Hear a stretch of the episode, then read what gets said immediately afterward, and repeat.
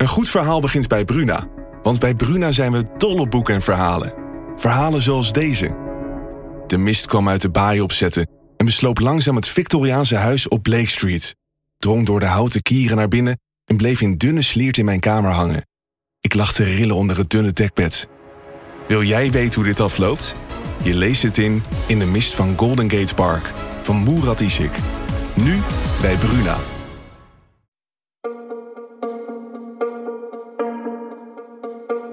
Hebben de drang om aan de buitenwereld te laten zien dat het goed gaat. Ook als het niet goed gaat. Herken je dat? Hoe iemand zich voelt, wat er werkelijk in iemands hoofd afspeelt, dat weet je niet. Wij vertellen het verhaal van een man die ons intrigeert. Een man die wij niet kennen, die wij zelfs nog nooit ontmoet hebben, maar waar wij wel van weten dat ruim tien jaar na zijn dood de strijd om zijn geld nog altijd leeft. Dit is het verhaal van Sjoerd, door ons verteld.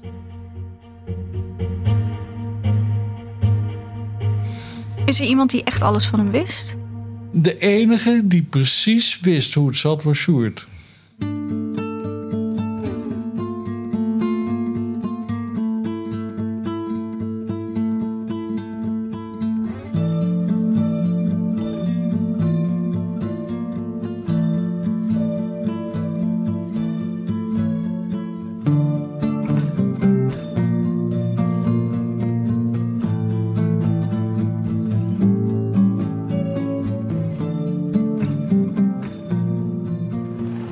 Ik had niet, als het zelfmoord is, dan had ik, heb ik het niet verwacht.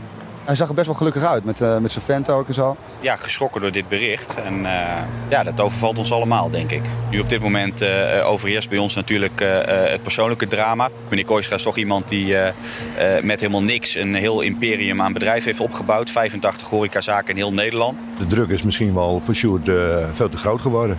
Maar laten we niet speculeren op hetgene wat er gisteren is gebeurd. We weten niet wat er gisteren is gebeurd. Dus laten we dat alsjeblieft eerst afwachten. De horecawereld is in shock. Het is dé opener van het NOS Journaal. Sjoerd wordt op maandag 28 juni doodgevonden in zijn villa. Op dat moment weet nog niemand wat er precies gebeurd is.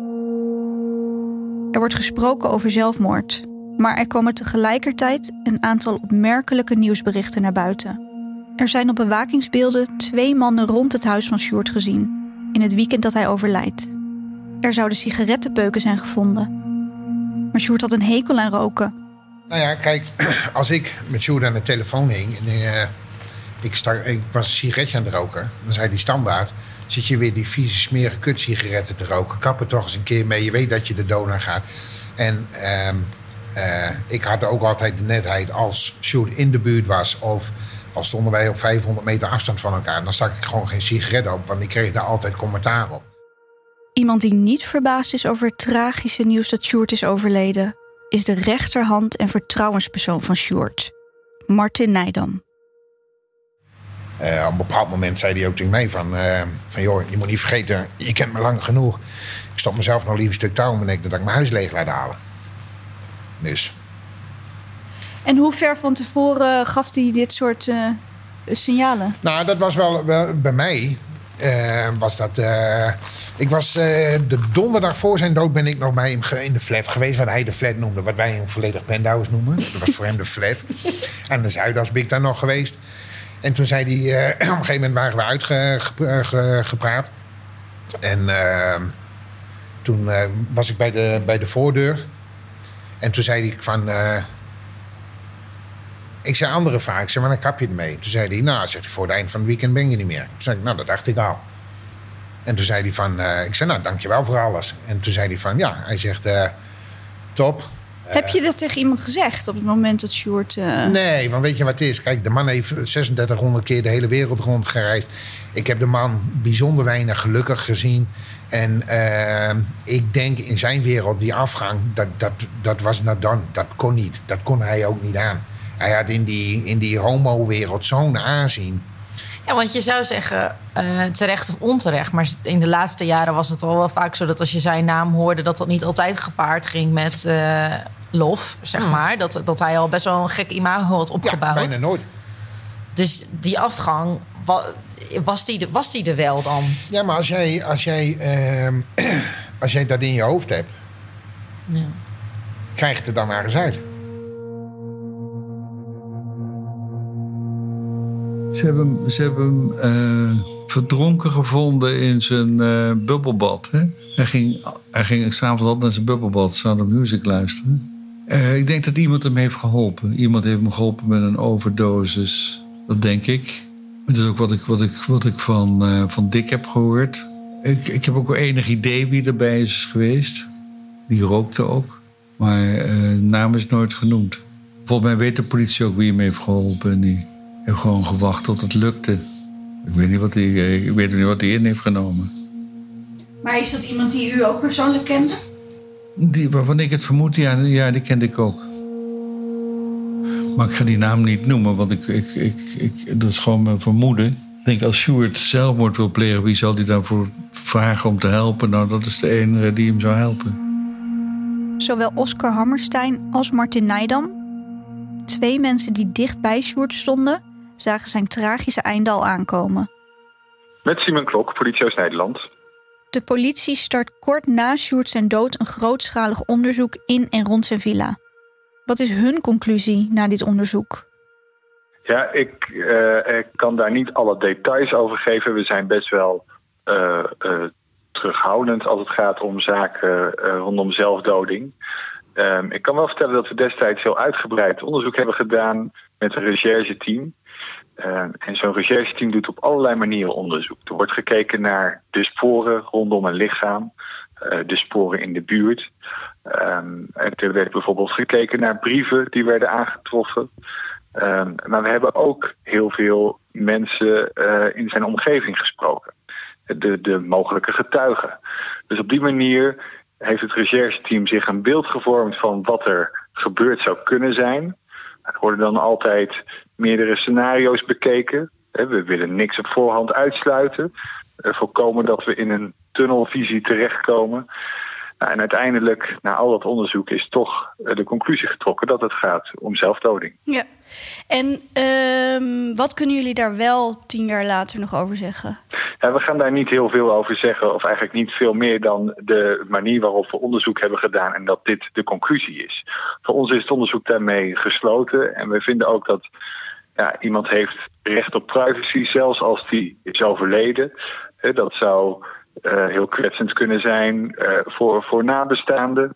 Um, dus wij zijn daar echt heel terughoudend over.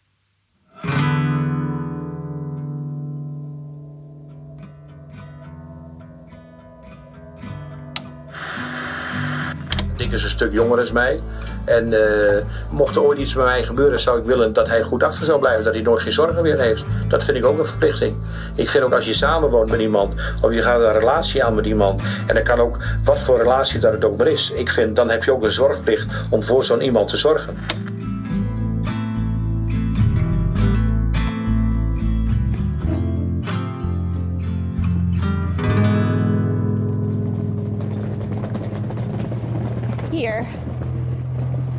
2E.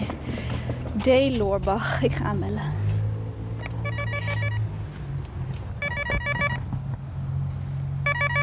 We hebben ons al die tijd voorbereid op een trip naar Abu Dhabi.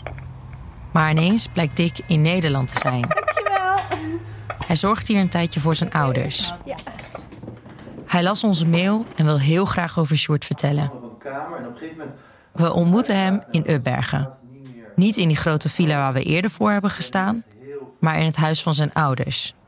Maar je mag dus nog wel vliegen. Dick is meer dan 15 jaar samen geweest met Sjoerd. We zijn benieuwd hoe de liefde ooit is opgebloeid. Hij zag mij voor het eerst, want ik was eigenlijk aan het werk. Ik was toen. Uh, ik deed. Uh, ik was model voor, voor fotoshoots en zo. En we waren aan het werk in Gran Canaria. En op die dag, die bewuste dag, waren we aan het werk in die tuin van dat hotel.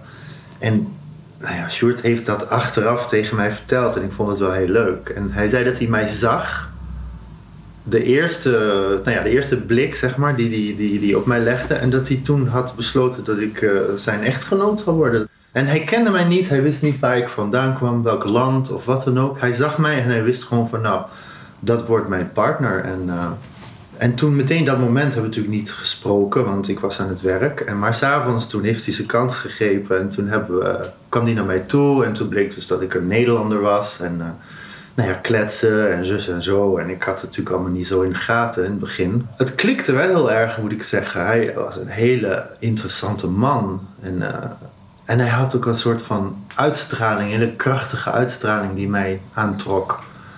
En uh, toen hebben we wel contact gehouden. En toen zijn we nog een keer gaan eten in Amsterdam. En ja, het klikte gewoon heel erg. Ik voelde me heel erg prettig bij hem en, uh, en hij bij mij. Hij had heel erg moeite eigenlijk om, uh, om zich te binden aan mensen. Hij was denk ik te vaak in zijn leven beschadigd en daardoor heel voorzichtig geworden. Maar op een, een of andere manier kon ik echt recht tot zijn hart uh, komen, heel makkelijk. En hij, hij heeft zich heel snel ook nou ja, naar mij geopend. En... Want wist jij ook toen in die eerste dates al wie hij was of wat hij deed? Of, nee, hij had gezegd dat hij een snackbar had in, in Groningen. Ik dacht van, nou ja, dat zal wel of zo. Ik bedoel, ja, dat interesseerde me ook niet zo heel erg. Ik vond hem gewoon heel erg aardig.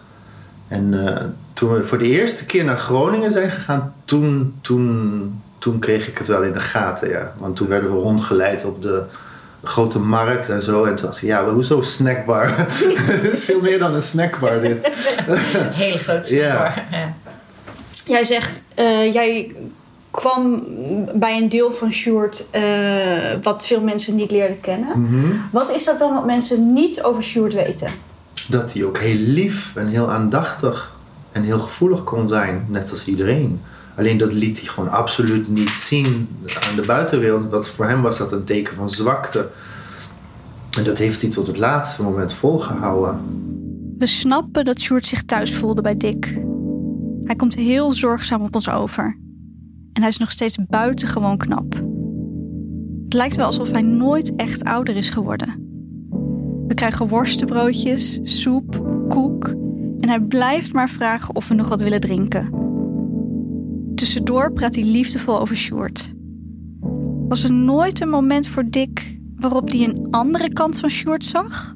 Iets wat ik me kan herinneren was hier in de stoof in Nijmegen. Er was een een of andere koffievertegenwoordiger of zo. En die probeerde hem te naaien. En daar was hij achter gekomen. En dan deed hij dat soms ook gewoon een toneelstukje. Want hij was helemaal niet echt boos. Want wij zaten gewoon op kantoor en die man komt boven. En dan kon hij gewoon van de ene seconde op de andere gewoon in woede ontsteken. En dan was het echt zo'n vieze, vuile, gore oplichter. Godverdomme dit en dat. En een hele, hele water. En die man die trok echt helemaal wit en die rende daar die trap af. Nou, die hebben we nooit meer gezien. Maar echt dat ik met me erbij zat en mijn verstand echt gewoon... Ik kon het gewoon niet, niet bij. En ik was best wel geschokt ook. Maar zo, ja. zo kon hij inderdaad soms doen. En je denkt dat hij, omdat hij beschadigd is geweest, dat gevoel kreeg je toen je net iets met hem had. Deelde hij daar ook wel eens iets over? Of was het wel? Ja, in zijn jeugd is die, daar heeft hij echt een soort van trauma aan overgehouden. Want zij hadden een beetje een ordinair café, zijn ouders. Ja, in Emma. Café. Ja, dat is wel eens vaker in de, in, uh, in de pers geweest en zo. En ja. uh, dat, dat, dat vond hij ook niet erg hoor, om dat te vertellen. Maar daar had hij inderdaad best wel een, een knauw uh, aan overgehouden dat hij toch altijd een beetje dat jongetje van het, uh, nou ja, van het. Schorum was. En dat hij ja, op was gegroeid in het café, letterlijk, tussen de koelkasten. En uh, de, de, hele familie woonde gewoon in dat café en alles vond daar plaats. Dus uh, ik denk ook dat die drang om succesvol te zijn en om geld te verdienen ook daar vandaan is gekomen. Dat hij altijd heeft gedacht van nou zo wil ik later niet leven. En hele, hele grappige voorbeelden. Dat, dat hij mij wel eens vertelde dat hij naar een vriendje ging spelen of zo. En die mensen hadden een open haard. Nou, dat was echt voor hem, wauw, een open haard. Heeft hij echt de rest van zijn leven heeft hij een open haardentik daaraan overgehouden. Want in elk huis wat wij bouwden, of, er moest er altijd één, nou minimaal één open haard in. Maar dat was echt helemaal het voor hem. En, uh, en dat soort dingen. Dus ja, dat heeft hem toch wel, denk ik, uh, op een of andere manier gemaakt tot, uh, tot uh, hoe die was. zou ik dingen aan de kant zetten. Als hij zou zeggen, nou Sjoerd, ik vind je omvang wat te groot. Of, of ik zou dit doen of zou dat doen. En anders zou ik, voor, bij spreken voor niemand anders zou ik dat doen. Maar voor hem zou ik dat doen. Hoe zo diep ligt onze relatie.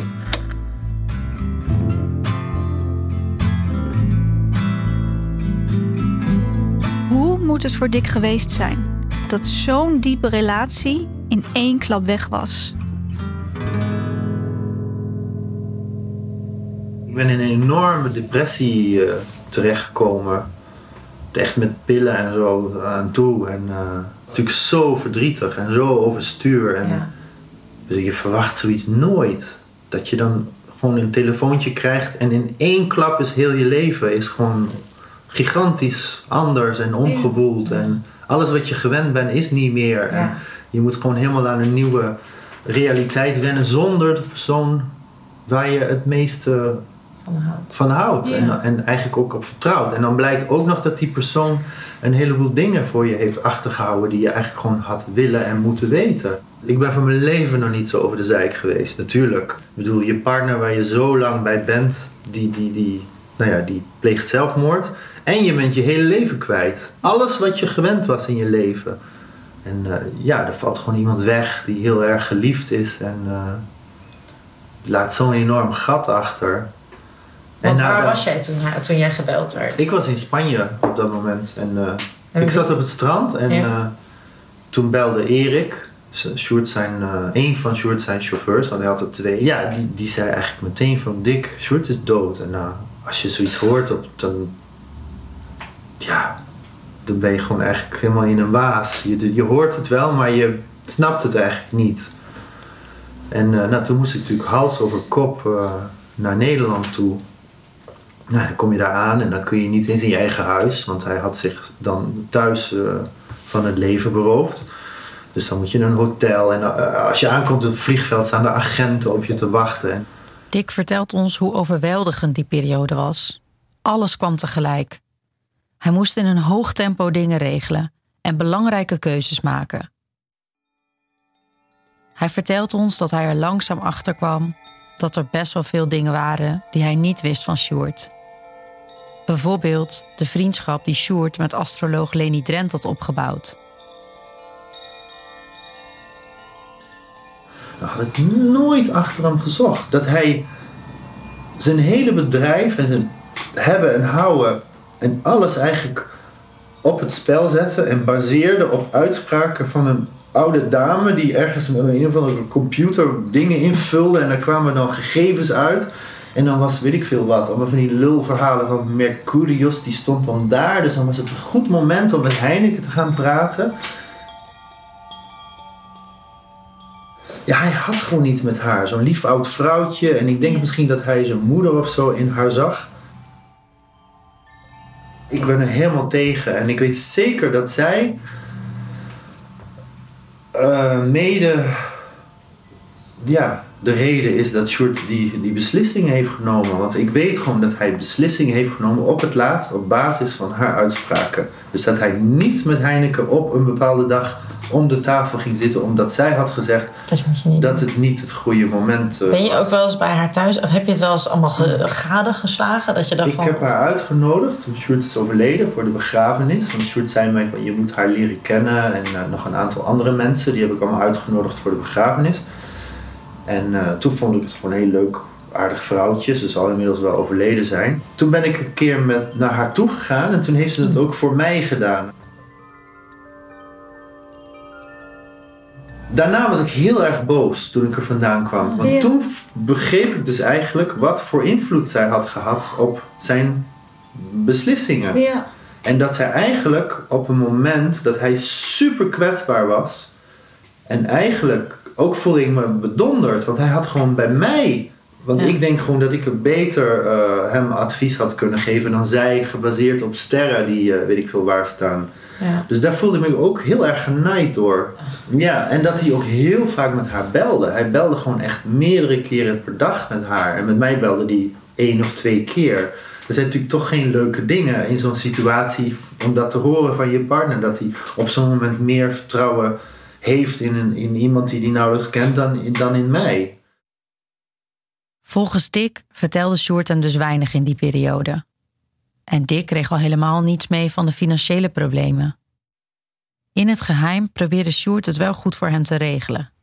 Hij heeft allerlei rechtshandelingen verricht vanaf januari om mij zeg maar buiten schot te houden. Maar ja, dat werkte niet meer omdat we ten eerste in gemeenschap van goederen waren getrouwd, buiten Plasania dan om. En omdat uh, als je dat soort dingen doet korter dan een jaar voordat je failliet gaat, dan wordt het als paulianeus beschouwd. Oh, dus dat je het eigenlijk al had kunnen weten ja, en dat je geen dingen meer mag veranderen. Dus al die dingen die hij heeft geprobeerd om mij te redden, dat is gewoon niet gelukt. Sjoerd schreef vlak voor zijn dood een aantal afscheidsbrieven voor zijn nabestaanden.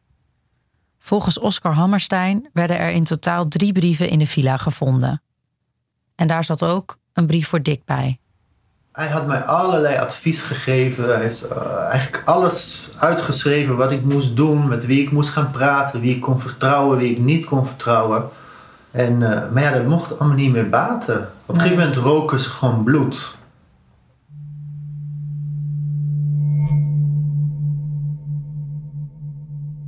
Dat miljoenenbedrag waar Sjoerd ooit mee in de quote stond, blijkt een luchtkasteel te zijn.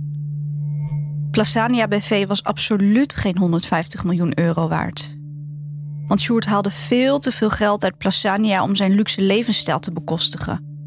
Had schulden bij brouwerijen, sloot leningen af en zette meerdere hypotheken op verschillende huizen.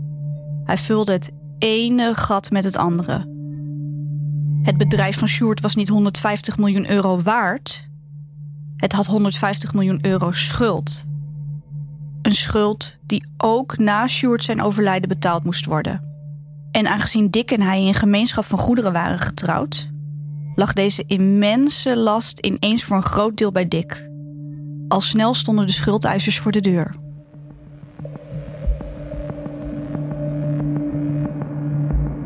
Volgens Sjoerd had het gewoon nooit zo mogen aflopen. Want die had gewoon echt op papier gezet van nou, die borgstelling die klopt niet, daar kunnen ze niks mee en zo. Maar ja, als je op een gegeven moment in zo'n situatie zit dat het begint te rollen, dan, dan gaat het zo snel. En dan voordat je het weet zit je in de surseance en dan zit je in, de, in het faillissement en dan kun je eigenlijk helemaal niks meer. Eigenlijk vanaf het moment dat ik erf, uh, hoe zeg je dat, erfgenaam was, kon ik eigenlijk al niks meer. Want op het moment dat je iets doet, dan aanvaard je dus zuiver de Alles. erfenis. Ja. Eigenlijk had ik vanaf het moment dat ik het telefoontje had ontvangen van Sjoerd is dood, niks mogen doen.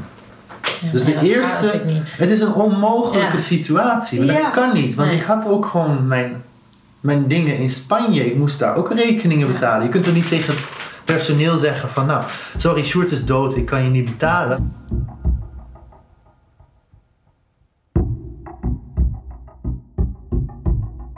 Dick worstelt nog altijd met de keuzes die hij toen heeft gemaakt. Maar je denkt natuurlijk toch wel heel vaak aan. Hij is namelijk meer dan tien jaar later nog steeds failliet. En dat heeft voor hem tot op de dag van vandaag nog grote gevolgen. van die praktische dingen. Als dat je geen bankrekening kan hebben en eh, je, je kunt geen dingen op je naam hebben en zo.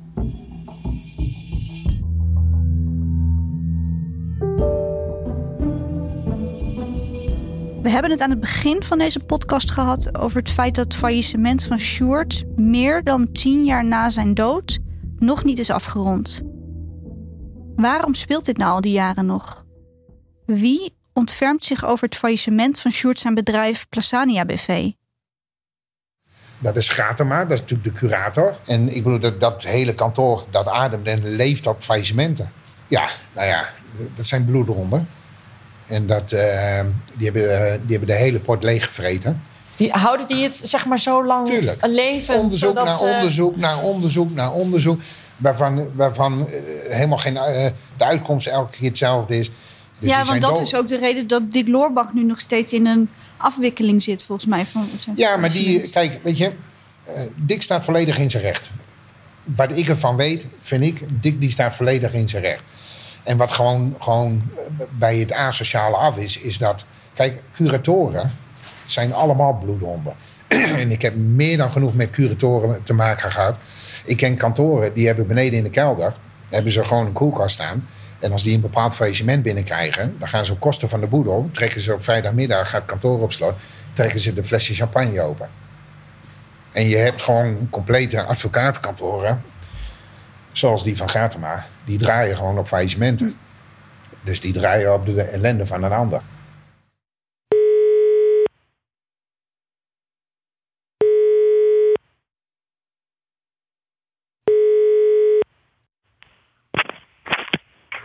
Zeer Kratema.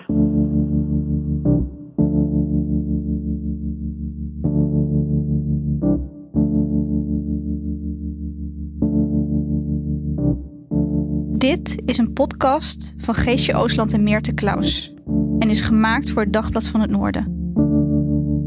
De eindredactie en begeleiding is in handen van Astrid Cornelissen. Rudy Mackay is verantwoordelijk voor de muzikale klanken en de eindmix. En de financiële bijdrage komt van het Mediafonds van de provincie Groningen en het Fonds voor Bijzondere Journalistieke Projecten. Wil je met iemand praten over zelfdoding? Je kan 24 uur per dag anoniem chatten via 113.nl of gratis bellen met 0800 0113.